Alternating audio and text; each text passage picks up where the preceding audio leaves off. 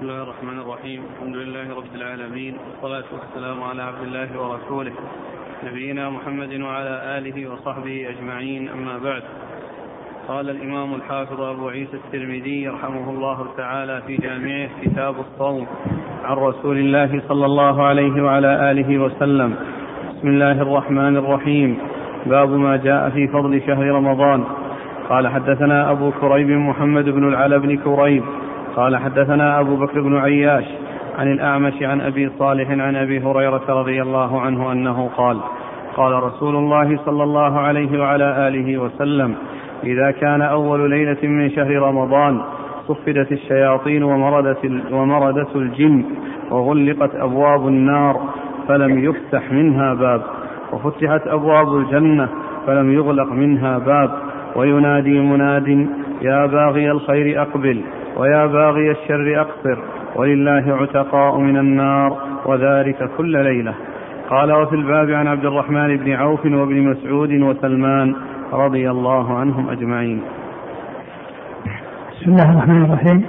الحمد لله رب العالمين وصلى الله وسلم وبارك على عبده ورسوله نبينا محمد وعلى آله وأصحابه أجمعين. أما بعد فيقول الإمام أبو عيسى الترمذي رحمه الله في جامعه كتاب الصيام آه الصيام هو في اللغة الإمساك.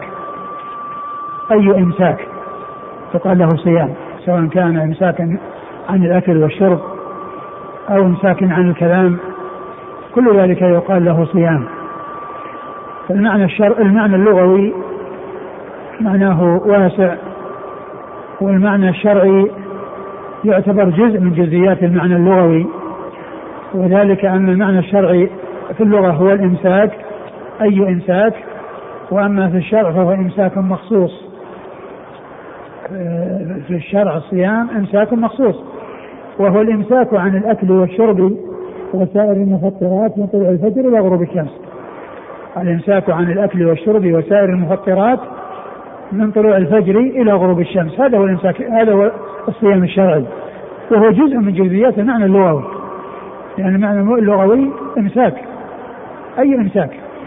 وأما هذا فهو إمساك مخصوص. إمساك عن الأكل والشرب وسائر ال وسائر ال المفطرات من طلوع الفجر إلى غروب الشمس، هذا هو الصيام الشرعي. وعلى هذا فالنسبة بين المعنى الشرعي والمعنى اللغوي هو المعنى المعنى الشرعي والمعنى اللغوي هو الخصوص والعموم، فالمعنى الشرعي اللغوي عام وشرعي خاص. و وهذا نظير الحج والعمرة وغير ذلك فإنها أيضا هي من هذا القبيل لأن الحج أي قصد فهو أي حج أي حج يقال له قصد ولكنه في الشرع قصد مخصوص وهو قصد الكعبة والطواف بها والوقوف بالمشاعر والعمرة هي الزيارة أي زيارة.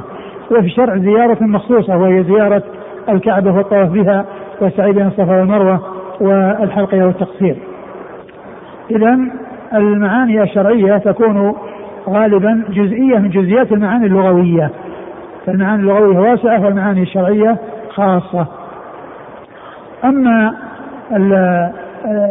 الباب الأول من هذه الأبواب وهو باب فضل شهر رمضان فشهر رمضان ورد فيه أحاديث تدل على فضله. على فضل صيامه وعلى فضل قيامه. وقد أورد أبو عيسى حديث أبي هريرة نعم.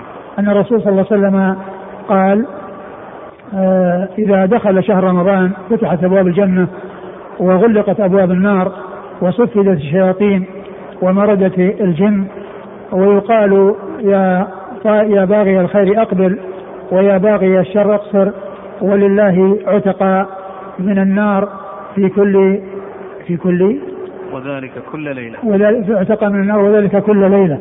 وهذا كله يدلنا على فضل شهر رمضان لأن فيه تغلق أبواب النار وتفتح أبواب الجنة وتصفد الشياطين و, و يدعى من يريد الخير وأن من يريد الشر عليه يقصر ويمتنع وأن لله عتق من النار وذلك كل ليلة من شهر رمضان. كل هذا كل هذه أمور تدل على فضل فضل صيام شهر رمضان وعلى فضل على على فضل شهر رمضان يعني سواء صيامه أو قيامه. وقوله صلى الله عليه وسلم وصفدت الشياطين ومرضت الجن يعني معنى ذلك أنهم لا يخلصون إلى ما كانوا يخلصون عليه في غير رمضان. ولا يعني ذلك أن أن الناس يسلمون من الوسوسة ويسلمون من من من من كيد الشيطان ولكن الشر الذي يعني يحصل منهم في سائر الشهور يعني آآ آآ يقل في في شهر رمضان ويخف في شهر رمضان ولا يخلصون إلى ما كانوا يخلصون عليه في غير شهر رمضان. لا يخلصون إلى ما كانوا يخلصون عليه في غير شهر رمضان. و و مرضة الجن من عطف الخاص على العام أو أنه عطف تفسير. لأن الشياطين هم هم المردة ولهذا الجن فيه شياطين والإنس فيه شياطين. ولكن آه، شياطين الجن هم المردة مردة الجن آه، الذين هم أشد عتوا وأشد آه، شرا يعني من غيرهم. نعم. قال حدثنا أبو كريب محمد بن علاء أبو كريب محمد بن علاء بن كريب هو ثقة أخرجه أصحاب كتب الستة. عن أبي بكر بن عياش. عن أبي بكر بن عياش ثقة اخرجه أصحاب كتب الستة. عن الأعمش. الأعمش سليمان بن مهران الكاهلي الكوفي ثقة اخرجه أصحاب كتب الستة. عن أبي صالح. عن أبي صالح وهو ذكوان السمان ثقة اخرجه أصحاب كتب الستة. عن أبي هريرة رضي الله عنه أكثر أصحاب رسول الله صلى الله عليه وسلم وأكثر أصحاب رسول الله صلى الله عليه وسلم حديثا. بكر بن عياش في البخاري ومسلم في المقدمة وأصحاب السنن. البخاري؟ ابن أبو بكر بن عياش أخرج له. البخاري ومسلم في المقدمة. أخرج له أخرجه البخاري ومسلم في المقدمة, ومسلم في المقدمة وأصحاب السنة قال وفي الباب عن عبد الرحمن بن عوف عبد الرحمن بن عوف أحد العشرة المبشرين بالجنة وحديثه أخرجه أصحاب كتب الستة. وابن مسعود عبد الله بن مسعود الهذلي أخرج حديثه أصحاب كتب الستة. وسلمان وسلمان الفارسي أخرج حديثه أصحاب كتب الستة. قال حدثنا هناد قال حدثنا عبده والمحاربي عن محمد بن عمرو عن أبي سلمة عن أبي هريرة رضي الله عنه أنه قال قال رسول الله صلى الله عليه وسلم من صام رمضان وقامه إيمانا واحتسابا غفر له ما تقدم من ذنبه ومن قام ليلة القدر إيمانا واحتسابا غفر له ما تقدم من ذنبه. ثم ورد أبو عيسى حديث أبي هريرة رضي الله عنه أن النبي صلى الله عليه وسلم قال من صام رمضان وقامه إيمانا واحتسابا غفر له ما تقدم من ذنبه. ومن قام ليلة القدر إيمانا واحتسابا غفر له ما تقدم من ذنبه. آه هذا يدلنا على فضل الصيام والقيام في شهر رمضان. وأن من صام رمضان وقامه إيمانا واحتسابا يعني إيمانا آه، بوعد الله وما أخبر به رسول الله عليه الصلاة والسلام من الأجر والثواب وإحتسابا للأجر وطلب المثوبة من الله عز وجل لا يريد بذلك رياء ولا سمعة وإنما يريد التقرب إلى الله عز وجل والزلفى لديه سبحانه وتعالى فإن الله تعالى يغفر له ما تقدم من ذنبه. وهذا إنما يكون في الصغائر. وأما الكبائر فإنه لا بد فيها من توبة. فإذا حصل توبة في شهر رمضان من جميع الذنوب والمعاصي وصام رمضان إيمانا واحتسابا فإن فإن الذنوب كلها تكفر الكبائر تكفر بالتوبة والصغائر تكفر بفعل هذه الطاعات التي هي الصيام والقيام. وفيه الحديث دليل على آه، قيام رمضان وعلى مشروعيته وأن فيه الأجر عند الله سبحانه وتعالى. وذكر ليلة القدر وخصها مع أنها داخلة من جملة قيام رمضان وذلك لأهميتها ولشرفها ولتميزها على غيرها. وذلك أنها خير من ألف شهر كما جاء ذلك في القرآن الكريم الحاصل أن الحديث يدل على فضل صيام رمضان وقيامه وعلى أن ليلة القدر آه، آه، لها شأن عظيم ولها فضل كبير ولهذا ميزت على غيرها مع أنها داخلة في قيام رمضان ولكنه نص عليها لشرفها ولعظم الأجر فيها عند الله سبحانه وتعالى. قال حدثنا هناد هناد هو ابن السري أبو السري ثقة أخرجه البخاري في خلق أفعال العباد ومسلم وأصحاب السنن. عن عبده عبده بن سليمان ثقة أخرجه أصحاب كتب الستة. والمحاربي والمحاربي هو عبد الرحمن بن محمد أخرج له. لا بأس به. لا بأس به أخرج له. أصحاب الكتب. أصحاب الكتب الستة ولا بأس به هي بمعنى صدوق. عن محمد بن عمرو. محمد بن عمرو بن وقاص الليثي صدوق أخرجه أصحاب الكتب الستة. عن أبي سلمة عن أبي سلمة بن عبد الرحمن بن عوف وهو ثقة فقيه أخرجه أصحاب الكتب الستة. عن أبي هريرة عن أبي هريرة رضي الله عنه وقد مر ذكره. قال أبو عيسى حديث أبي هريرة الذي رواه أبو بكر بن عياش حديث غريب لا نعرفه من رواية أبي بكر بن عياش عن الأعمش عن أبي صالح عن أبي هريرة إلا من حديث أبي بكر نعم. قال وسألت محمد بن إسماعيل عن هذا الحديث فقال حدثنا الحسن بن الربيع قال حدثنا أبو الأحوص عن الأعمش عن مجاهد قوله إذا كان أول ليلة من شهر رمضان فذكر الحديث. قال محمد وهذا أصح عندي من حديث أبي بكر بن عياش. يعني أنه يكون مقطوعا لأنه يكون من كلام مجاهد. يعني يكون من كلام مجاهد. نعم. قال وسألت محمد بن إسماعيل. محمد بن إسماعيل هو البخاري. آه، هو آه، أمير المؤمنين في الحديث وهو ممن حديثه في الترمذي والنسائي. عن الحسن بن الربيع. الحسن بن الربيع ثقة أخرج له. أصحاب الكتب. أصحاب الكتب الستة. عن أبي الأحوص. عن الأحوص سلام بن سليم الحنفي ثقة أخرج له أصحاب الكتب الستة. عن الأعمش. الأعمش مر ذكره عن مجاهد. ومجاهد بن جبر المكي ثقة أخرجه أصحاب الكتب الستة. قال رحمه الله تعالى باب ما جاء لا تقدم الشهر بصوم. قال حدثنا أبو كريب قال حدثنا عبدة بن سليمان عن محمد بن عمرو عن أبي سلمة عن أبي هريرة رضي الله عنه أنه قال قال النبي صلى الله عليه وعلى آله وسلم لا تقدموا الشهر بيوم ولا بيومين إلا أن يوافق ذلك صوما. كان يصومه أحدكم صوموا لرؤيته وأفطروا لرؤيته فإن غم عليكم فعدوا ثلاثين ثم أفطروا. قال وفي الباب عن بعض أصحاب النبي صلى الله عليه وسلم. قال أبو عيسى حديث أبي هريرة حديث حسن صحيح والعمل على هذا عند أهل العلم. كرهوا أن يتعجل الرجل بصيام قبل دخول شهر رمضان لمعنى رمضان وإن كان رجل يصوم صوما فوافق صيامه ذلك فلا بأس به عندهم. ثم ورد أبو عيسى باب آه لا تقدم الشهر. باب لا تتقدم الشهر بصوم. بصوم. لا تتقدم الشهر بصوم. يعني كون الإنسان يعني آه يصوم الأيام التي تتصل بالشهر احتياطا لرمضان. احتياطا لرمضان يعني لئلا يكون يتبين رمضان وهو ما صام. ومن المعلوم أنه لا بد أن يكون الصيام آه بنية آه قبل طلوع الفجر. وإلا فلو ظهر أن أن اليوم من رمضان والخبر ما بلغ إلا طلوع الفجر فإن الإمساك متعين وعليه القضاء.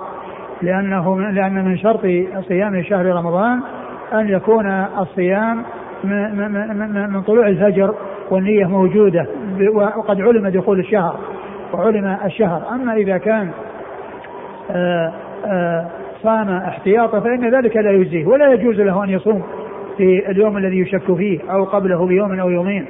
وقد أورد أبو عيسى حديث أبي هريرة رضي الله عنه أن النبي صلى الله عليه وسلم قال لا تقدموا رمضان بصوم يوم أو يومين إلا من كان عليه صيام ووافق صيامة. إلا أن يوافق ذلك صوما كان يصومه أحدكم. إلا أن يوافق ذلك صوما كان يصومه أحدكم. يعني فإنه لا مانع من ذلك لأن الإنسان ما صام من أجل رمضان وإنما صام لموافقته شيء قد اعتاده مثل كون إنسان يصوم الاثنين والخميس ثم إنه جاء يوم الخميس أو يوم الاثنين يوم ثلاثين فإنه يصوم على اعتبار ما, ما كان اعتاده لا من أجل رمضان. أما كونه يعني يصوم يعني من أجل رمضان هذا هو الذي لا يجوز. ولهذا استثنى قال إلا إذا كان يعني وافق يعني صوم أحد فإنه لا مانع من أن يصوم ذلك اليوم وإنما المنع من أن يقصده وأن يخصه بالصيام من أجل رمضان. آه، آه، إيش بعده؟ صوموا لرؤيته وأفطروا لرؤيته. فإن غم عليكم فعدوا ثلاثين ثم أفطروا. يعني بين صلى الله عليه وسلم الطريقة التي يكون بها الصيام وأنه يصام لرؤية آه لرؤية رمضان أو لرؤية ويفطر لرؤيته أي رؤية شوال يفطر لرؤية شوال ويصام لرؤية رمضان. فإذا حصل أن غم على الناس بأن حصل غيم أو غبار أو شيء يعني يمنع من رؤية الهلال فإن الناس يكملون العدة سواء كان ذلك عدة شعبان أو عدة رمضان. يكملون العدة يكملون ثلاثين. ف و والصوم إنما يكون للرؤية والإفطار يكون للرؤية. وعندما لا آه، تحصل الرؤية أو وجد غيم يمنع منها أو غبار أو غير ذلك فإنه آه، فإنه آه، يكمل الشهر الذي سواء كان شهر شعبان إذا كان لدخول رمضان أو شهر رمضان إذا كان آه، صيام إذا كان هلال شوال فإنه يكمل الشهر ويكمل ثلاثين كما جاء ذلك عن رسول الله صلى الله عليه وسلم. آه، الحديث يدل على التحريم تقدم رمضان بيوم أو يومين احتياطا لرمضان. و وقد جاء في الحديث يعني حديث صحيح يعني صححه بعض أهل العلم إذا انتصف رمضان فلا تصوموا. يمكن بعض الناس أن يقول أنا أصوم آخر الشهر كله يعني من النصف وما بعده ويدخل في ذلك قبل يوم أو يومين فإن ذلك لا يجوز. لا يجوز الانسان أن يصوم آخر الشهر من أجل رمضان أو من أجل احتياط لرمضان. ولكن الذي كان من عادته أنه يصوم أو يكثر من الصيام من شعبان فإنه يصوم من أوله ويصوم بعد النصف ولكنه لا يصوم يوم الثلاثين يوم التاسع والعشرين إلا إذا كان من عادته أنه كان يصوم الاثنين أو الخميس. أما كونه يصوم رمضان شعبان كله من أجل أنه يعني يحتاط رمضان أو أو كذلك لا يحتاط ليس للإنسان أن يصوم شعبان كله ولم يكن النبي صلى الله عليه وسلم من هديه أن يصوم شهرا كاملا إلا رمضان. صلوات الله وسلامه وبركاته عليه. قال حدثنا أبو كريب قال حدثنا عبدة بن سليمان عن محمد بن عمرو عن أبي سلمة عن أبي هريرة. وهؤلاء مر ذكرهم جميعا. قال وفي الباب عن بعض أصحاب النبي صلى الله عليه وسلم. قال أبو عيسى حديث أبي هريرة حديث حسن صحيح والعمل على هذا عند أهل العلم. كرهوا أن يتعجل الرجل بصيام قبل دخول شهر رمضان لمعنى رمضان. أي من أجله أو الاحتياط له. وإن كان رجل يصوم صوما فوافق صيامه ذلك فلا بأس به عندهم. قال حدثنا هناد قال حدثنا وكيع عن علي بن المبارك عن يحيى بن أبي كثير عن أبي سلمة عن أبي هريرة رضي الله عنه أنه قال قال رسول الله صلى الله عليه وآله وسلم لا تقدموا شهر, شهر رمضان بصيام قبله بيوم أو يومين إلا أن يكون رجل كان يصوم صوما فليصم. ثم ورد حديث أبي هريرة رضي الله عنه لا تقدم رمضان بصوم يوم أو يومين قبله إلا رجلا كان يصوم صوما فليصوم هو مثل الذي قبله. وفيه التنصيص على الرجل والرجل لا مفهوم له لأن المرأة كذلك. ولكن ذكر الرجل وذكر الرجال في بعض الأحاديث الأمور العامة التي لا تخص الرجال إنما هو لكون الخطاب معهم. وإلا فإن الحكم لا يختص بهم وإنما هو للرجال والنساء. إنما هو للرجال والنساء فكذلك المرأة إذا كان من عادتها أنها تصوم الاثنين والخميس ووافق يوم الثلاثين أو تسعة وعشرين فلها فلها ذلك لا بأس بذلك لا فرق بين الرجل والمرأة نعم قال حدثنا هناد عن وكيع وكيع آه وكيع هو ابن الجراح الرؤاسي ثقة أخرجه أصحاب الكتب الستة. عن علي بن المبارك. علي بن المبارك هو ثقة. أخرجه أصحاب الكتب. ثقة أخرجه أصحاب الكتب الستة. عن يحيى بن أبي كثير يحيى بن أبي كثير اليمامي ثقة أخرجه أصحاب الكتب الستة. عن أبي سلمة عن أبي هريرة. نعم وقد مر ذكرهم. قال أبو عيسى هذا حديث حسن صحيح. قال رحمه الله تعالى باب ما جاء في كراهية صوم يوم الشك. قال حدثنا أبو سعيد عبد الله بن سعيد الأشج قال حدثنا أبو خالد الأحمر عن عمرو بن قيس الملائي عن أبي إسحاق عن صله بن زفر أنه قال كنا عند عمار بن ياسر رضي الله عنه فأتي بشاة مصلية فقال كلوا فتنحى بعض القوم فقال إني صائم فقال عمار من صام اليوم الذي يشك فيه الذي يشك فيه الناس فقد عصى أبا القاسم صلى الله عليه وسلم قال وفي الباب عن أبي هريرة وأنس رضي الله عنهما قال أبو عيسى حديث عمار حديث حسن صحيح والعمل على هذا عند أكثر أهل العلم من أصحاب النبي صلى الله عليه وآله وسلم ومن بعدهم من التابعين. وبه يقول سفيان الثوري ومالك بن أنس وعبد الله بن المبارك والشافعي وأحمد وإسحاق كرهوا أن يصوم الرجل اليوم الذي يشك فيه. ورأى أكثرهم إن صامه فكان من شهر رمضان أن يقضي يوما مكانه. ثم أورد أبو عيسى رحمه الله باب كراهية صوم يوم الشك. هذه الترجمة هي مثل التي قبلها ومن جنس التي قبلها وهي النهي عن تقدم رمضان بيوم أو يومين. عن تقدم رمضان بيوم يومين لأن ذلك يعني أحد اليومين هو يوم الشك. فالحديث أو داخل في الترجمة السابقة ولكن المصنف لعله أفرده من أجل التنصيص على يوم الشك وكونه جاء في الحديث يوم الشك. أو جاء في, في, في هذا الأثر عن أبي عن عمار بن ياسر يوم الشك فلهذا أفرده. وإلا فإنه من جنس الباب الذي قبله. لو آه، أتي أو جاء ضمن الترجمة السابقة فإنه يكون داخل تحت تقدم رمضان بيوم أو يومين. لكنه أفرده لتنصيص على يوم الشك. واليوم الذي يشك فيه يوم الثلاثين. يوم الثلاثين من شعبان الذي إذا إذا لم يرى الناس الهلال إذا لم يرى الناس الهلال فإن الناس آه، يبقون يبقون مفطرين ولا يصومون. ومن صام فقد قال عمار بن ياسر رضي الله تعالى عنه من صام اليوم الذي يشك فيه يشك فيه الناس فقد عصى أبا القاسم صلى الله عليه وسلم. وذلك في قوله لا تتقدم رمضان بيوم أو يومين. هذا هو النهي الذي جاء عن الرسول صلى الله عليه وسلم. والإنسان الذي يصومه آه، خالف هذا النهي فأقدم على فعل أمر لا يجوز. نهى عنه رسول الله صلى الله عليه وسلم وهذا الكلام الذي قاله آه، عمار آه، لا يقوله إلا لأنه يعلم ذلك أو يعلم التحريم تحريم ذلك من رسول الله عليه الصلاة والسلام. وهو يدل أيضا على أن النهي في الحديث المتقدم أنه للتحريم وليس للكراهة لأنه قال فقد عصى أبا القاسم صلى الله عليه وسلم. وذكر الرسول صلى الله عليه وسلم بكنيته وقد قال الحافظ بن حجر في فتح الباري. إن ذكر النبي صلى الله عليه وسلم بكنيته حسن ولكن ذكره بوصف الرسالة أحسن. ولكن ذكره بوصف الرسالة أحسن. نعم. قال حدثنا أبو سعيد عبد الله بن سعيد الأشج. عبد الله بن سعيد الأشج ثقة أخرجه أصحاب في الستة. عن أبي خالد الأحمر. عن أبي خالد الأحمر وهو سليمان بن حيان صدوق أخرجه أصحاب الكتب الستة. عن عمرو بن قيس الملائي. عمرو بن قيس الملائي ثقة أخرج له. البخاري في الأدب المفرد ومسلم وأصحاب السنن. البخاري في الأدب المفرد ومسلم وأصحاب السنن. عن أبي إسحاق. عن أبي إسحاق وهو عمرو بن عبد الله الهمداني السبيعي ثقة أخرجه أصحاب الكتب الستة. عن صلة بن زفر. صلة بن زفر ثقة أخرجه أصحاب الكتب الستة. عن عمار بن ياسر. عن عمار بن ياسر رضي الله تعالى عنه أخرج له أصحاب الكتب الستة. قال وفي الباب عن أبي هريرة وأنس. آه، أبو هريرة مر ذكره وأنس وابن مالك خادم النبي صلى الله عليه وسلم وأحد السبع المكثرين من رواية حديث رسول الله صلى الله عليه وسلم. قال أبو عيسى حديث عمار حديث حسن صحيح والعمل على هذا عند أكثر أهل العلم من أصحاب النبي صلى الله عليه وسلم ومن بعدهم من التابعين وبه يقول سفيان الثوري. سفيان الثوري سفيان بن مسروق الثوري ثقة فقيه أخرجه أصحاب في الستة. ومالك. ومالك بن أنس إمام دار الهجرة المحدث الفقيه أحد أصحاب المذاهب الأربعة المشهورة من مذاهب السنة أخرج حديث أصحاب كتب الستة. وعبد الله بن المبارك. عبد الله بن المبارك المروزي ثقة أخرجه أصحاب كتب الستة. والشافعي.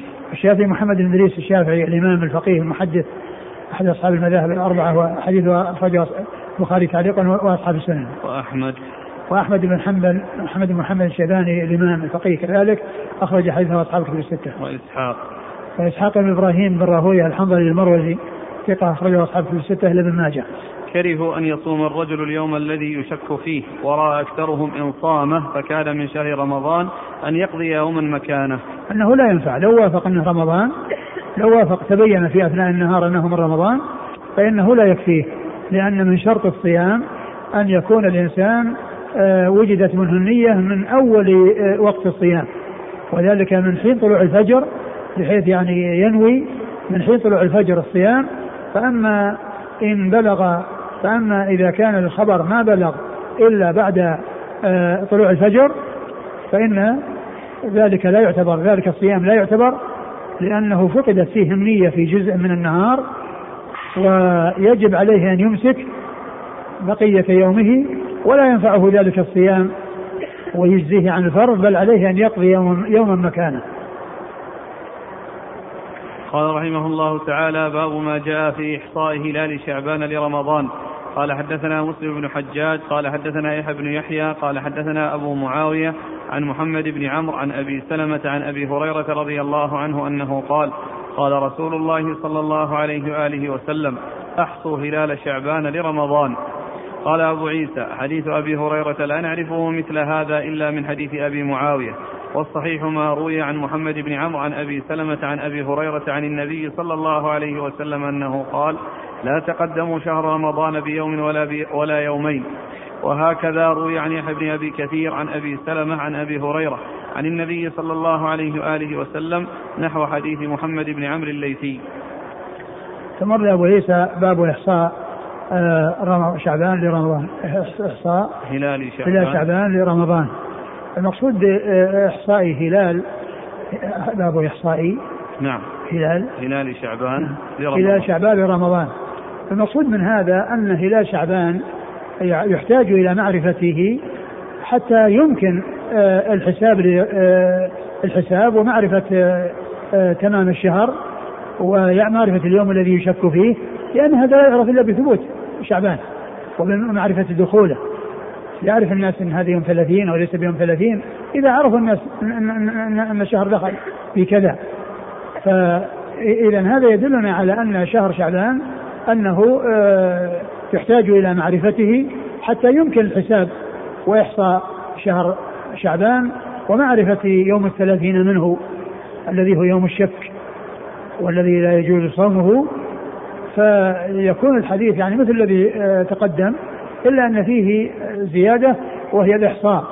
وذلك أيضا آه، آه، بمعرفة دخول شهر شعبان ومعرفة هلال شعبان ودخوله ليمكن معه الإحصاء. والعد حتى يكمل الناس ثلاثين إذا لم يروا الهلال. ثم بعد ذلك يصومون بعد أن يكونوا قد أكملوا ثلاثين. وقد أورد أبو عيسى حديث حديث أبي هريرة. أبي هريرة رضي الله عنه النبي قال أحصوا أحصوا هلال شعبان لرمضان. أحصوا هلال شعبان لرمضان. أحصوا هلال شعبان لرمضان أي من أجل رمضان. نعم. قال حدثنا مسلم بن حجاج. مسلم بن الحجاج هو النيسابوري القشيري صاحب الصحيح. و وقد أخرج له الترمذي هذا الحديث الواحد. وليس له ليس في الكتب الستة له رواية. الكتب الستة ليس له رواية وإنما خرج له الترمذي وهذا الحديث الواحد أيضا. عن يحيى بن يحيى. يحيى بن يحيى النيسابوري ثقة أخرجه أصحاب الكتب الستة. يحيى بن يحيى بن بكر عبد الرحمن أخرجه البخاري ومسلم والترمذي والنسائي. النيسابوري يحيى بن يحيى النيسابوري البخاري. البخاري ومسلم والترمذي والنسائي. نعم. نعم. البخاري ومسلم والترمذي والنسائي. وهذا ممن أكثر عنه مسلم في صحيحه. ممن أكثر عنه مسلم في صحيحه. يعني يحيى بن يحيى النيسابوري يعني يروي عنه مسلم كثيرا وهو من أهل بلده. نعم.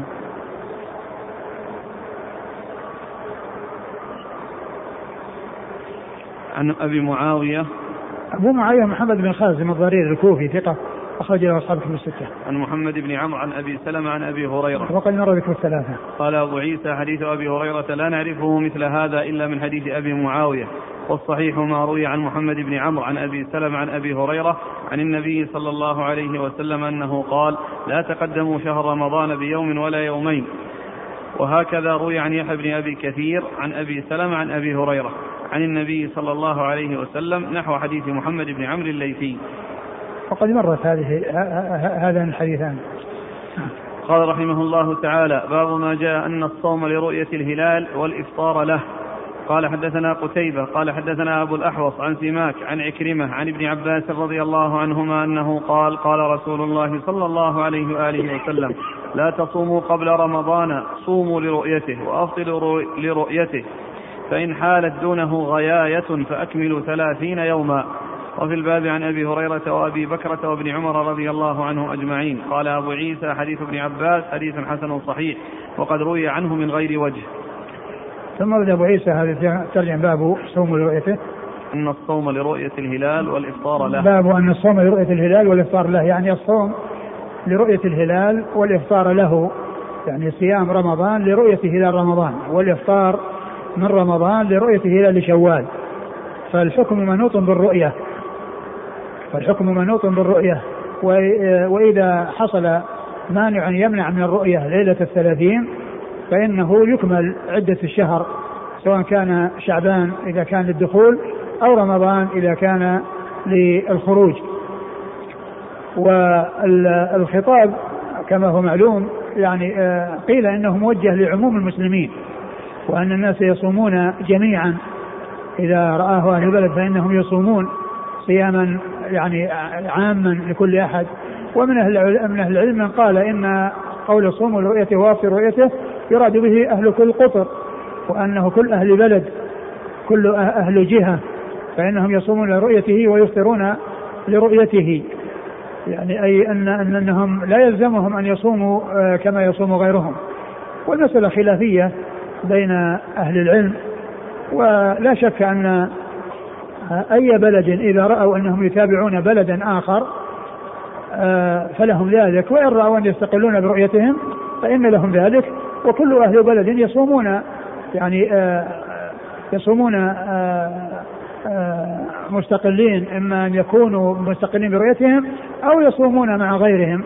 ولا يختلف الناس في البلد الواحد بين يصوم بعضهم ولا يصوم بعضهم. فإذا رأى أهل العلم في ذلك البلد أنهم يصومون تبعا لغيرهم لهم ذلك وإن رأوا أنهم لا يصومون إلا برؤيتهم فإن لهم ذلك. قال حدثنا قتيبة قتيبة بن سعيد بن جميل بن طريف البغلاني ثقة أخرجه أصحابه في الستة. عن أبي الأحوص أبو الأحوص مر ذكره. عن سماك عن عكرمة عن سماك سماك بن حرب ثقة أخرجه آه، صدوق أخرجه البخاري تعليقا ومسلم وأصحاب السنة. عن عكرمة عن عكرمة هو ابن عباس ثقة أخرجه أصحابه في الستة. عن ابن عباس. عن ابن عباس عبد الله بن عباس بن عبد المطلب بن عم النبي صلى الله عليه وسلم وأحد العباد الأربعة من الصحابة الكرام وأحد المكثرين من رواية حديث رسول الله صلى الله عليه وسلم. قال وفي الباب عن أبي هريرة وأبي بكرة. أبو هريرة مر ذكره وأبو بكر هو نفيع بن الحارث أخرجه أصحاب كتب الستة. وابن عمر. وابن عمر عبد الله بن عمر بن الخطاب رضي الله عنهما أحد العبادله وأحد السبعة. المكثرين من حديث رسول الله صلى الله عليه وسلم. قال أبو عيسى حديث ابن عباس حديث حسن صحيح وقد روي عنه من غير وجه. قال رحمه الله تعالى باب ما جاء أن الشهر يكون تسعا وعشرين قال حدثنا أحمد بن منيع قال حدثنا يحيى بن زكريا بن أبي زائدة قال أخبرني عيسى بن دينار عن أبيه عن عمرو بن الحارث بن أبي ضرار عن ابن مسعود رضي الله عنهما قال ما صمت مع النبي صلى الله عليه وآله وسلم تسعا وعشرين أكثر مما صمنا ثلاثين. قال وفي الباب عن عمر وأبي هريرة وعائشة وسعد بن أبي وقاص وابن عباس وابن عمر وأنس وجابر وأم سلمة وأبي بكرة رضي الله عنهم أن النبي صلى الله عليه وآله وسلم قال الشهر يكون تسعا وعشرين. ثم ورد أبو عيسى باب باب ما جاء أن الشهر يكون تسعا وعشرين. باب ما جاء أن الشهر يكون تسعا وعشرين. باب ما جاء أن الشهر يكون تسعا وعشرين. آه الشهر يكون تسعة وعشرين ويكون ثلاثين. وهو لا يخرج عن هذين. إما ثلاثين إما ثلاثون وإما تسعة وعشرون. ليس في شهر 28 وليس في شهر 31 بل الشهر لا يخرج عن هذين. إما 29 وإما 30 ولهذا الرسول صلى الله عليه وسلم قال نحن أمة أمية لا نقرأ ولا ولا نحسب الشهر هكذا وهكذا وهكذا وعد بيده 30 بيده ثلاث مرات 30 ثم إنه رجع مرة أخرى وقال الشهر هكذا وهكذا وهكذا وقبض اصبعا آه، يعني معناه أنه يكون 29 معناه يكون أحيانا 30 واحيانا يكون 29 فالشهر لا يكون تاما دائما ولا يكون ناقصا دائما. وإنما يتم وينقص. يتم وينقص. ينقص فيكون 29 ويتم ويكون 30 وقد أورد أبو عيسى حديث ابن مسعود. حديث مسعود أن أنه قال أكثر ما صمنا مع الرسول صلى الله عليه وسلم 29 آه، يعني معناه أن أن السنوات آه، التي آه، صاموها مع النبي صلى الله عليه وسلم أكثرها صار الشهر ناقصا بمعنى أنه يرى الهلال أنه يرى الهلال آه، هلال شوال بعد أن يصوموا 29 يوما.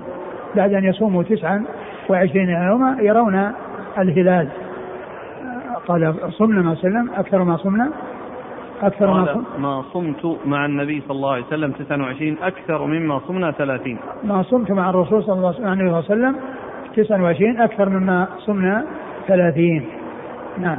قال حدثنا أحمد بن منيع أحمد بن منيع ثقة أخرجه أصحابه في الستة. عن يحيى بن زكريا بن أبي زائدة. يحيى بن زكريا بن أبي زائدة ثقة أخرجه أصحابه في الستة. عن عيسى بن دينار. عن عيسى بن دينار ثقة أخرجه أصحاب الكتب.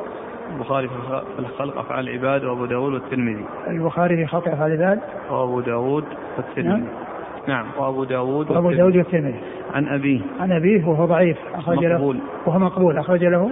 البخاري في خلق أفعال العباد وأبو داود الترمذي البخاري في خلق أفعال العباد وأبو داود الترمذي عن عمرو بن الحارث بن أبي ضرار. عن عمرو بن الحارث بن أبي ضرار وهو ثقة. صحابي أخرجه أصحاب الكتب. وهو صحابي أخرجه أصحاب الكتب الستة. عن ابن مسعود. عن ابن مسعود رضي الله عنه مر ذكره قال وفي الباب عن عمر. عمر بن الخطاب رضي الله عنه أمير المؤمنين وثاني الخلفاء الراشدين صاحب المناقب الجمة والفضائل الكثيرة. وحديثه عند أصحاب الكتب الستة. وأبي هريرة وعائشة. وعائشة ام المؤمنين رضي الله عنها الصديقه بن الصديق وهي ممن أكثر الروايه عن عن رسول الله صلى الله عليه وسلم. وسعد بن أبي وقاص. وسعد بن أبي وقاص أحد العشره المبشرين بالجنه وحديثه أخرجه أصحاب الكتب الستة. وابن عباس وابن عمر وأنس وجابر. ومر ذكر ثلاثة وجابر هو بن عبد الله الأنصاري رضي الله تعالى عنهما صحابي بن صحابي وهو من المكثرين من حديث رسول الله صلى الله عليه وسلم. وأم سلمة. وأم سلمة هند بنت أبي أمية هم المؤمنين أخرج حديث أصحاب كتب الستة. وأبي بكرة أن النبي صلى الله عليه وسلم قال الشهر يكون 29 نعم هؤلاء كلهم جاء عنهم أن الشهر يكون 29 قال حدثنا علي بن حجر قال حدثنا إسماعيل بن جعفر عن حميد عن أنس رضي الله عنه أنه قال آلى رسول الله صلى الله عليه وسلم من نسائه شهرا فأقام في مشربة 29 يوما. قالوا يا رسول الله إنك آليت شهرا. فقال الشهر تسع وعشرون. قال أبو عيسى هذا حديث حسن صحيح. ثم ورد أبو عيسى حديث أنس رضي الله عنه أن النبي صلى الله عليه وسلم من النساء شهرا. ولما يعني كمل 29 خرج. وكانوا يعني يظنون أن الشهر يعني يعتبر 30 فقال عليه السلام قالوا إن إنك أديت شهرا. قال الشهر يكون 29 الشهر يكون 29 نعم قال حدثنا علي بن حجر.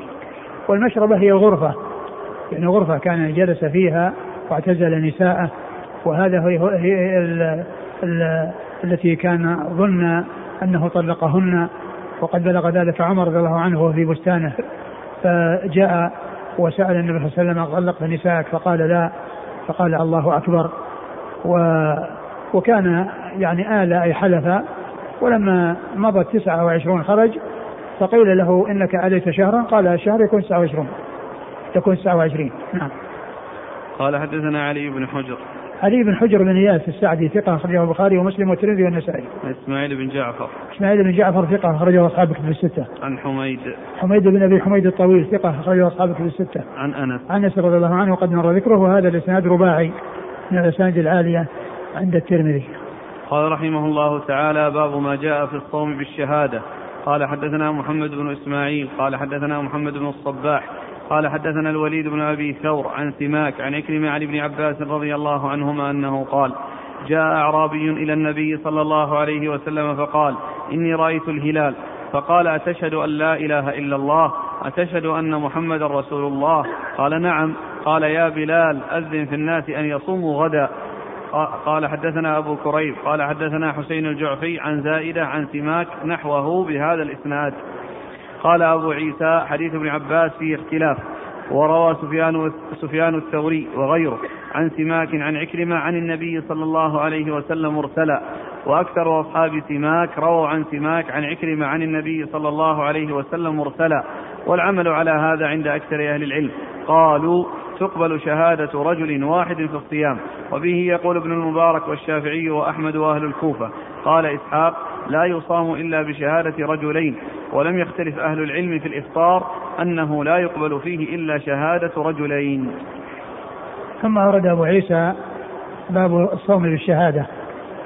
أي شهادة الشهادة آه، برؤية الهلال. الشهادة برؤية الهلال. ورؤية هلال رمضان آه، تحصل أو تثبت في حصول بشهادة واحد. والحديث الذي أورده المصنف هنا في قصة الأعرابي يعني فيه آه، فيه ضعف من جهة أنه من رواية آه، سماك عن عكرمة وروايته عنه مضطربة. وقد أشار الترمذي رحمه الله إلى هذا الاضطراب وأن أكثر الذين يعني هذا يعني يرونه مرسلا.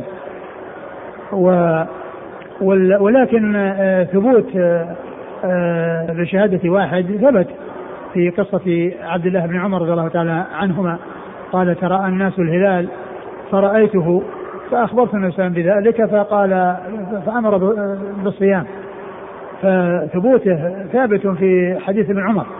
وأما هذا الحديث ففيه آه ففيه عكرمة ففيه آه سمات رواية عن عكرمة وفيها اضطراب وأيضا يعني فيه أن الرجل يعني غير معروف. يعني وأنه آه آه آه أنه غير معروف. يعني هذا من جهة أخرى. ومعلوم أن أن مثل هذه الأمور لابد فيها من العدالة ولابد فيها من الثقة وأنه يعول على من يعتد به ومن تقبل شهادته.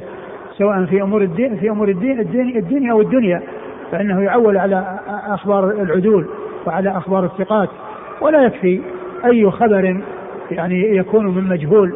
فالحديث آه، في إسناده يعني آه، كما عرفنا ضعف ولكن من ناحية الثبوت فإن فإن فإن شهادة الواحد آه، إذا كان معروفا فإنها ثابتة في قصه شهاده أو رؤية عبد الله بن عمر بن الخطاب رضي الله تعالى عنهما نعم قال حدثنا محمد بن إسماعيل عن محمد بن الصباح محمد بن الصباح ثقة أخرجه أصحاب الكتب الستة. عن الوليد بن أبي ثور. الوليد بن أبي ثور هو ضعيف ضعيف أخرج له خالف المفرد وأبو داود والترمذي وابن ماجه. البخاري في المفرد وأبو داود والترمذي وابن ماجه. عن سماك عن عكرمة عن ابن عباس. وقد مر ذكرهم. قال حدثنا أبو كريب قال حدثنا حسين الجعفي. حسين الجعفي حسين بن علي الجعفي ثقة أخرجه أصحاب الكتب الستة. عن زائدة. عن زائدة بن قدامة ثقة أخرجه أصحاب الكتب الستة. عن سماك. عن سماك.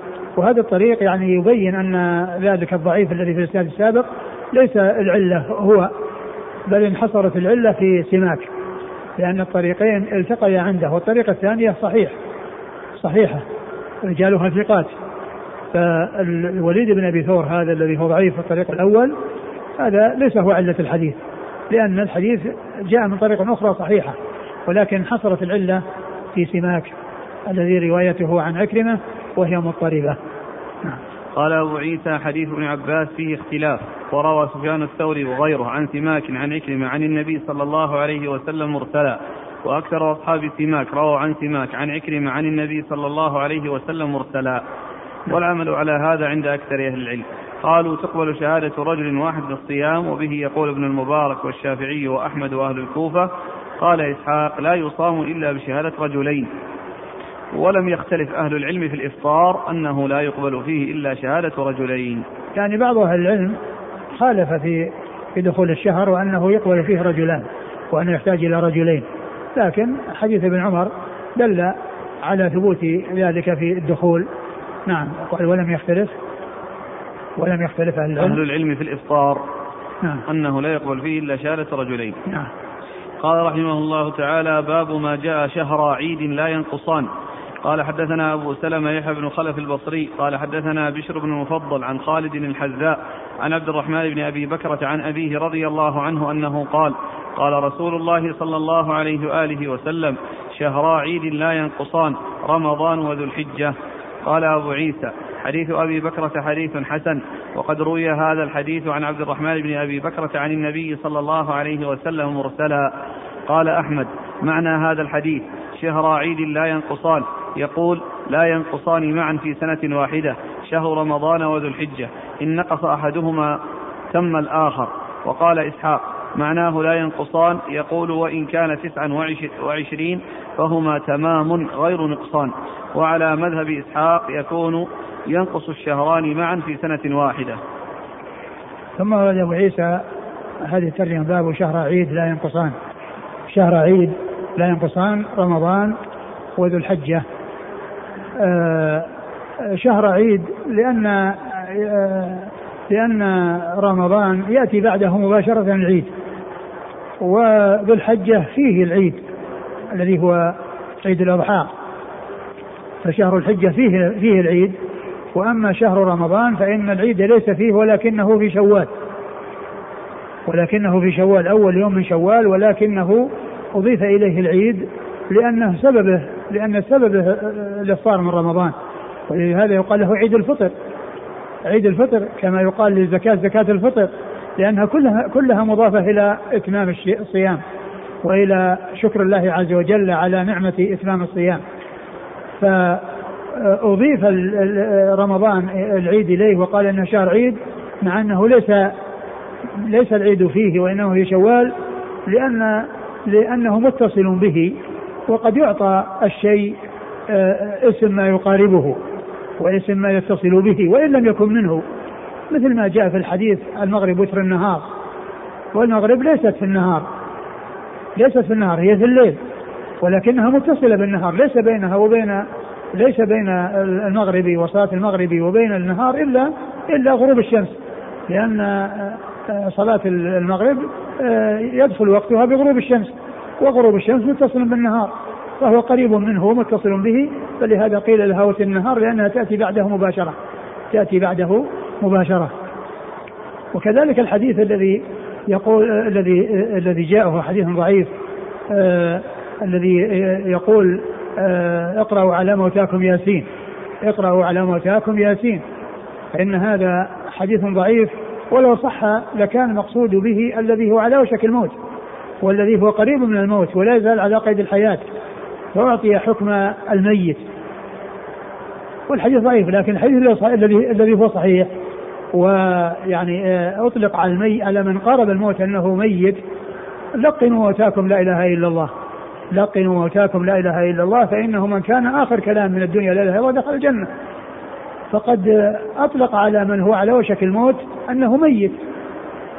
فقد لقنوا موتاكم معلوم أن التلقين يكون قبل الموت وليس بعده. بعد الموت ليس فيه تلقين وإنما التلقين ما دام الإنسان على قيد الحياة. ولهذا جاء بعده في آه، الحديث فإن من كان الله دخل الجنة. يعني معناه أنه يلقن قبل الموت. فأطلق على من قارب الموت أنه ميت. فقد يعطى الشيء اسم ما يقاربه ويتصل به ولهذا قيل لشهر رمضان إنه شهر عيد أو شهر عيد يعني رمضان وذو الحجه وأضيف العيد يعني إليه مع أنه ليس منه وإنما هو وإنما هو خارجه لأنه في شوال لاتصال به لاتصاله به وقربه منه. وأما قوله شهر عيد لا ينقصان يعني فذكر المصنف أن بعض أهل العلم قال إنهما لا ينقصان جميعا فإما أن ينقص فإذا نقص أحدهما يكمل الآخر. وقال بعض أهل العلم ليس المقصود من ذلك أنهما لا ينقصان فقد ينقصان جميعا. ولكن المقصود من ذلك أن أن الشهر وإن نقص فهو تام. فمن صام 29 فقد صام شهرا تاما.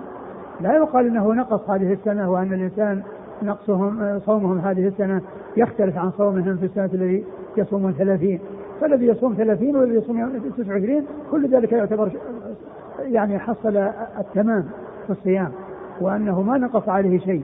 وأجر ال 29 مثل أجر ال 30 مثل أجر ال 30 يعني من ناحية أن أن أن السنة اللي يكون فيها 30 والسنة اللي يكون فيها 29 الأجر في ذلك واحد. لا يقال إن هذا نقص وهذا كمل. وهذا في زيادة أجر وهذا في نقص أجر بل هو كامل.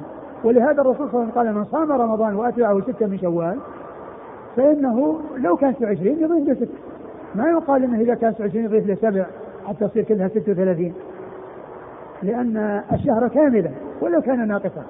يعني أجره وثوابه وجزاؤه فإنه تام سواء كمل أو نقص. لا يقال إنه لما صار ناقصا يختلف عما إذا كان تاما. فهو تام وإن نقص. فيكون معنى هذا التمام. لكن فيما هذا واضح فيما يتعلق بالنسبة لعيد الفطر. أما فيما يتعلق بعيد الأضحى ف يعني كونه يصير 29 أو كونه يصير 30 كونه يكمل أو يعني يصير 30 أو يصير 29 هذا ما له علاقة في, في, في الحج. اللهم إلا على قول من قال إن أشهر الحج هي الثلاثة التي شوال وذو القعدة وذو الحجة. فيكون آخر آخر الأشهر الحج نهاية شهر ذي الحجة. فإن كان 29 فقد انتهى وإن كان 30 فقد انتهى. يعني بهذا أو بهذا. أما فيما يتعلق بالعيد وفيما يعني فلا علاقة له إلا من جهة أنه لو حصل خطأ وأن الناس يعني آه، آه، ما يعني ما صار يعني إفطارهم في يوم العيد تماما بمعنى أنه حصل خطأ وأضحى الناس في غير يوم الاضحى وحج الناس وقف الناس في غير يوم عرفة فإن الحج صحيح والإضحى صحيح.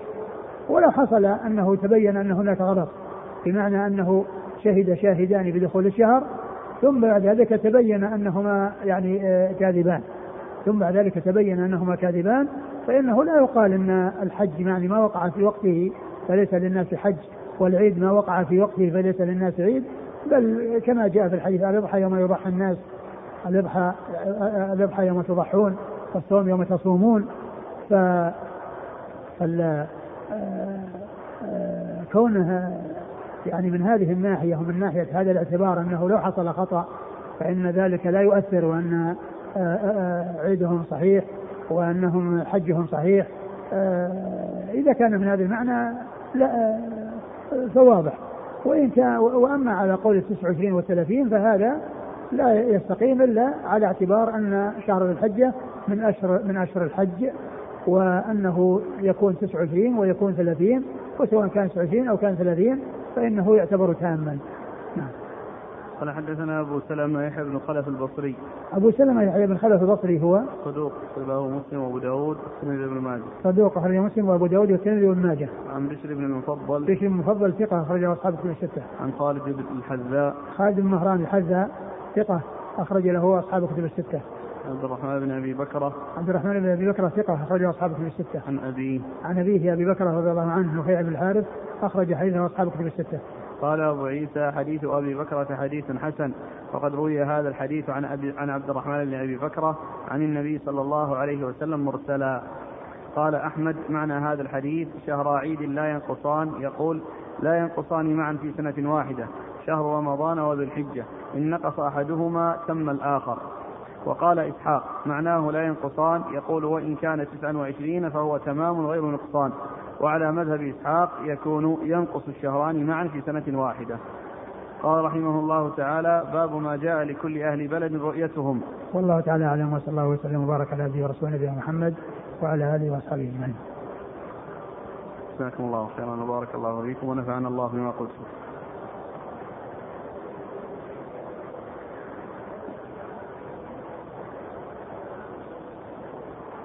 يقول السائل فضيلة الشيخ هل يعني قوله صلى الله عليه وسلم وغلقت أبواب النار وقوله فتحت أبواب الجنة أن من مات في رمضان يدخل الجنة؟ ليس هذا معناه. أقول ليس هذا معناه بل من يستحق الجنة يعني يدخلها سواء كان مات في رمضان أو في غير رمضان ومن يستحق النار يدخلها سواء مات في رمضان أو في غير رمضان.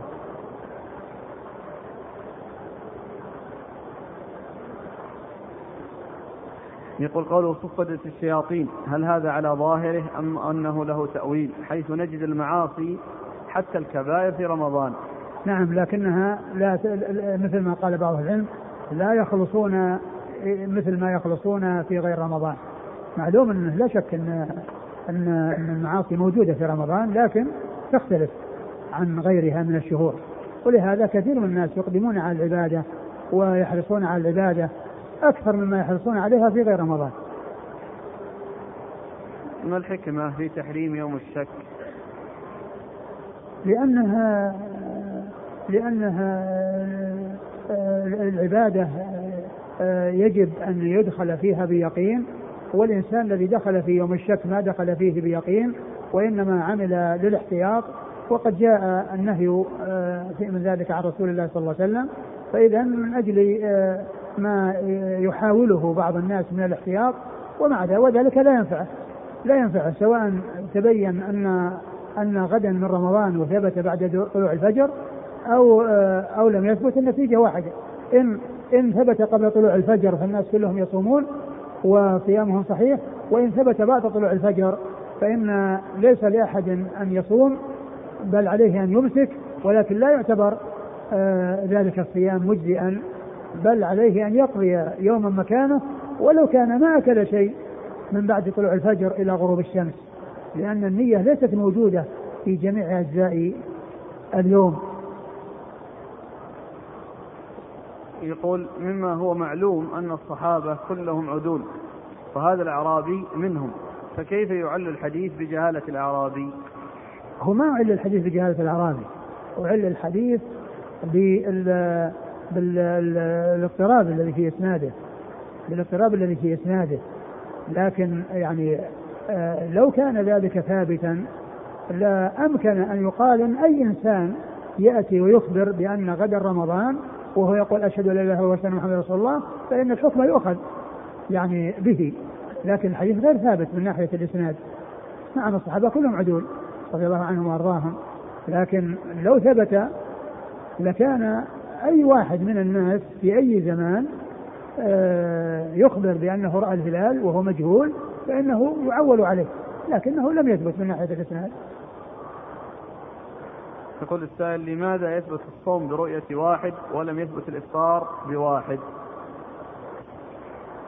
آه، لا أدري لكن يمكن أن يقال أن أن أن أن أن أن, أن, أن, أن ذاك اللي هو رمضان لأن أن العبادة موجودة وأنه آه، لابد فيها من من وجود شاهدين حتى يخرج من هذه العبادة. والمصنف ذكر أن العلماء لم يختلفوا في أن الخروج لا بد فيه من اثنين وأن الدخول يكفي فيه واحد. ولكن الثبوت ليس من هذا الحديث بل من حديث ابن عمر. يقول لماذا اعتزل النبي صلى الله عليه وسلم نساءه شهرا؟ ما اتذكر إيش السبب لكنه يعني كان يعني حصل منه ذلك وآل يعني ولا اتذكر السبب. يقول صمت هنا بعدما صام أهل بلدي بيوم فلما قدمت عليهم فقال قالوا إنهم قد سبقوني فهل لهم أجر أكثر مني إيش السؤال؟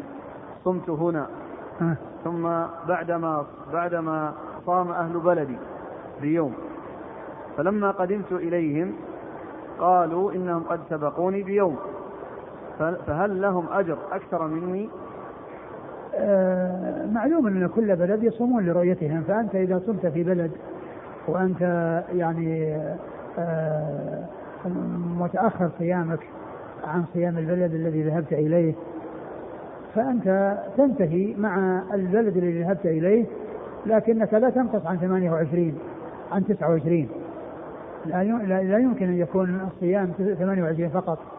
بل آه، تصوم في البداية وتفطر في النهاية مع البلد الذي أنت فيه لكن بشرط ألا يكون صيامك نقص عن تسعة وعشرين.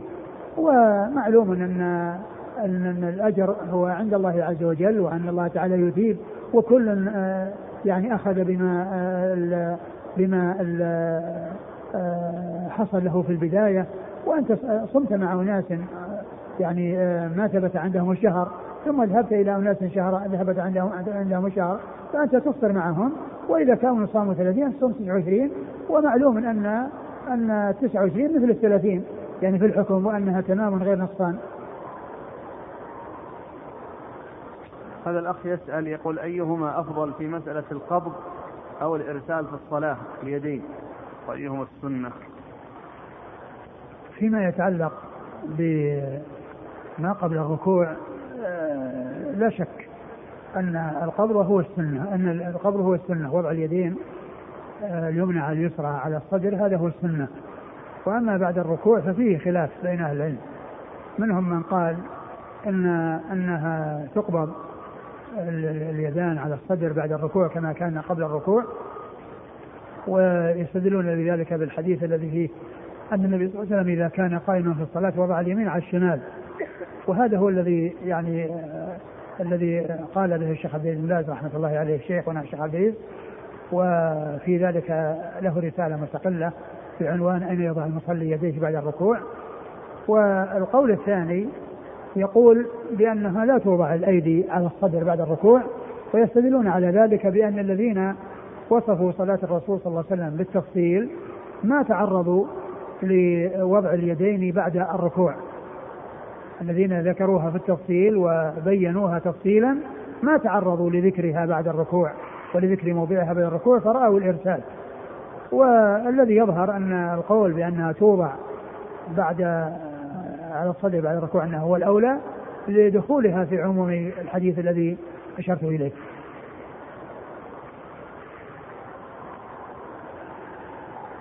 يقول من رأى الهلال وذهب إلى المسؤولين لإخبارهم عن ذلك ولم يقبلوا منه فهل عليه أن أن يصوم لوحده؟ الحديث الحديث الذي ورد يعني في هذا صومكم لما تصومون وفطركم لما تفطرون والحاكم ما تضحون يعني يدل على أنه أنه يعني يكون مع الناس وأنه لا ينفرد عنهم.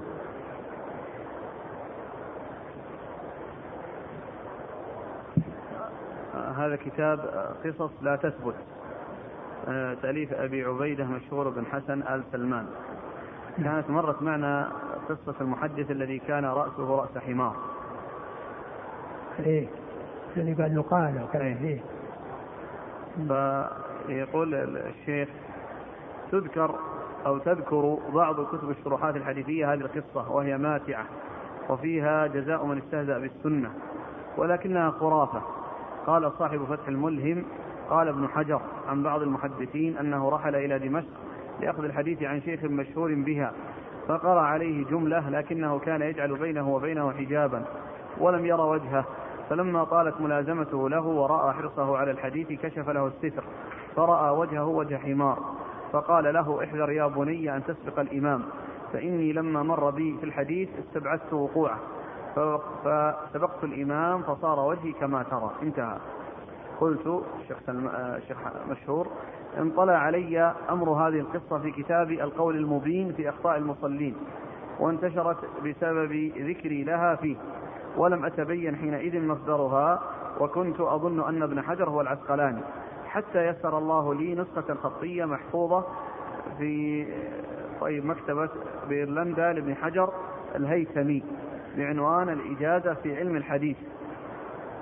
وفيها تعليقا على حديث نظر الله امرأ سمع مقالتي قال وأن وجوه جميع أن وجوه جميع وأن وجوه جميع أهل الحديث منظرة جميلة. ثم قال ما نصه؟ فإن قلت جاء عن بعض أكابر حملته أنه كان كحمار في الوجه أو في جميع صورته. أي خلق, أي خلقه ذلك كخلقة الحمار في صفته وكيفيته. وأي جمال مع ذلك ومراعاة لما هنالك. قلت هذا من جملة شرف الحديث الذي انزجر بسببه كثيرون. خوفا أن يقع لهم من نحو ذلك ما لا يطيقون. وذلك أن بعض الأئمة تردد مدة مديدة إلى شيخه في بيته يسمع عليه. فكان دائما بينه وبين الطلبة ستر منيع. لا يستطيع أحد منهم رؤية شيء من بدن الشيخ. فتخلف عن أصحابه مرة لحاجة. فلما رأى الشيخ المحل خاليا له قال له قد لازمتني هذه المدة الطويلة ولم يقع بصرك علي. هل ترى أن أكشف الستر لتراني قال نعم. فكشفه فرأى ذلك الأمر المهول جدا وهو أن الوجه والصورة كلها كالحمار في جميع صفاته وكيفياته. ثم بين له سبب ذلك أنه كان كلما مر على قوله صلى الله عليه وسلم أما يخشى الذي يتقدم على الإمام أن يحول الله وجهه وجه حمار أو صورته صورة حمار.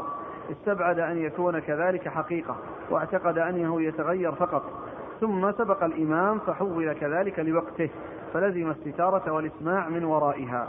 قال ابن حجر وهذا ينبهك على القاعدة المقررة عند المحققين أن كل ما ورد في الكتاب والسنة وجوزه العقل بأن لم يلزم عليه محال عقلي ولا عبرة بالمحال العادي ولم يصح عن الشارع حديث آخر يعارضه تعين حمله على ظاهره واعتقاده ولم يسع تأويله لأنه لا حاجة إليه فإخراج ما هو كذلك عن ظاهره إلى مؤوله تصرف في السنة لما لم يرضى فيه المتفضل بها. فربما عوقب أتم العقاب أو حرم التوفيق والاحتساب. نسأل الله السلامة من ذلك وأمثاله. آمين. انتهى كلام ابن حجر. ردها قلت أما القاعدة فما أعظمها وأصحها من قاعدة لو كانوا يعملون بها ولكن من قعدها أنطقهم الله بها وحرم أكثرهم العمل على مقتضاها إلا فيما يشتهون. وأما الحكاية فما أراها إلا خرافة من وضع القسطاس فالمسخ وإن صحت الأحاديث بأنه سيقع في هذه الأمة ونطق به هذا الحديث إلا أنه ورد فل فالإيش؟ فالمسخ وإن صحت الأحاديث بأنه سيقع في هذه الأمة ونطق به هذا الحديث إلا أنه ورد أن الممسوخ لا يعيش أكثر من ثلاث وفي هذه الحكاية أنه عاش يسمع الحديث ثم غريب جدا أن يبتلي الله عالما به ثم يبقي أو يبقى فيه ثم يبقي فيه بقية للقراءة والعلم وإسماعه مع ما هو فيه. وغريب جدا أن يتردد إليه أصحاب الحديث للسماع من خلف حجاب ولا يتعرفون خبره حتى يعلموا أثقة هو فيروون عنه أم غير ثقة. وكذلك كونه يتخذ حجابا بينه وبين الناس سترا على نفسه. ثم يفضح نفسه لهذا الطالب دون سؤال سؤال منه. ثم من هو هذا العالم المحدث؟ ومن هو هذا الطالب الذي حكى عنه هذه الأعجوبة والآية العظيمة من آيات النبوة؟ ثم كيف تقع هذه المعجزة ولا تشتهر وتنقل نقل تواتر؟ فإن من القواعد المقررة أيضا عقلا ونقلا أن ما كان مخالفا للعادة فإن العادة ستدعو إلى أن ينقل متواترا بين الناس والعلم عند الله تعالى. هذا كلام صحيح بس الكلام على النقطة التي قال لا يعيش أكثر من ثلاث. هذه وين وين الأساس فيها؟ أنا منسوخ. أنه لا يعيش أكثر من ثلاث هذا يحتاج إلى ثبوت. هو في الأمم السابقة ورد في الحديث في صحيح مسلم أن ليس لأمة مسخت نسلا. يعني معناه أن المسخوا من قبل يعني ما فيه لهم نسل لا يتناسلون يعني ذلك الممسوخ يذهب وليس له نسل. لكن آه هذا الذي ذكر من هذه الأمة أنه يكون فيها وأن يكون ثلاثة يحتاج إلى أن ينظر يعني أين أين ذكرت هذه الثلاث يعني فوق ثلاث إيش فوق ثلاث؟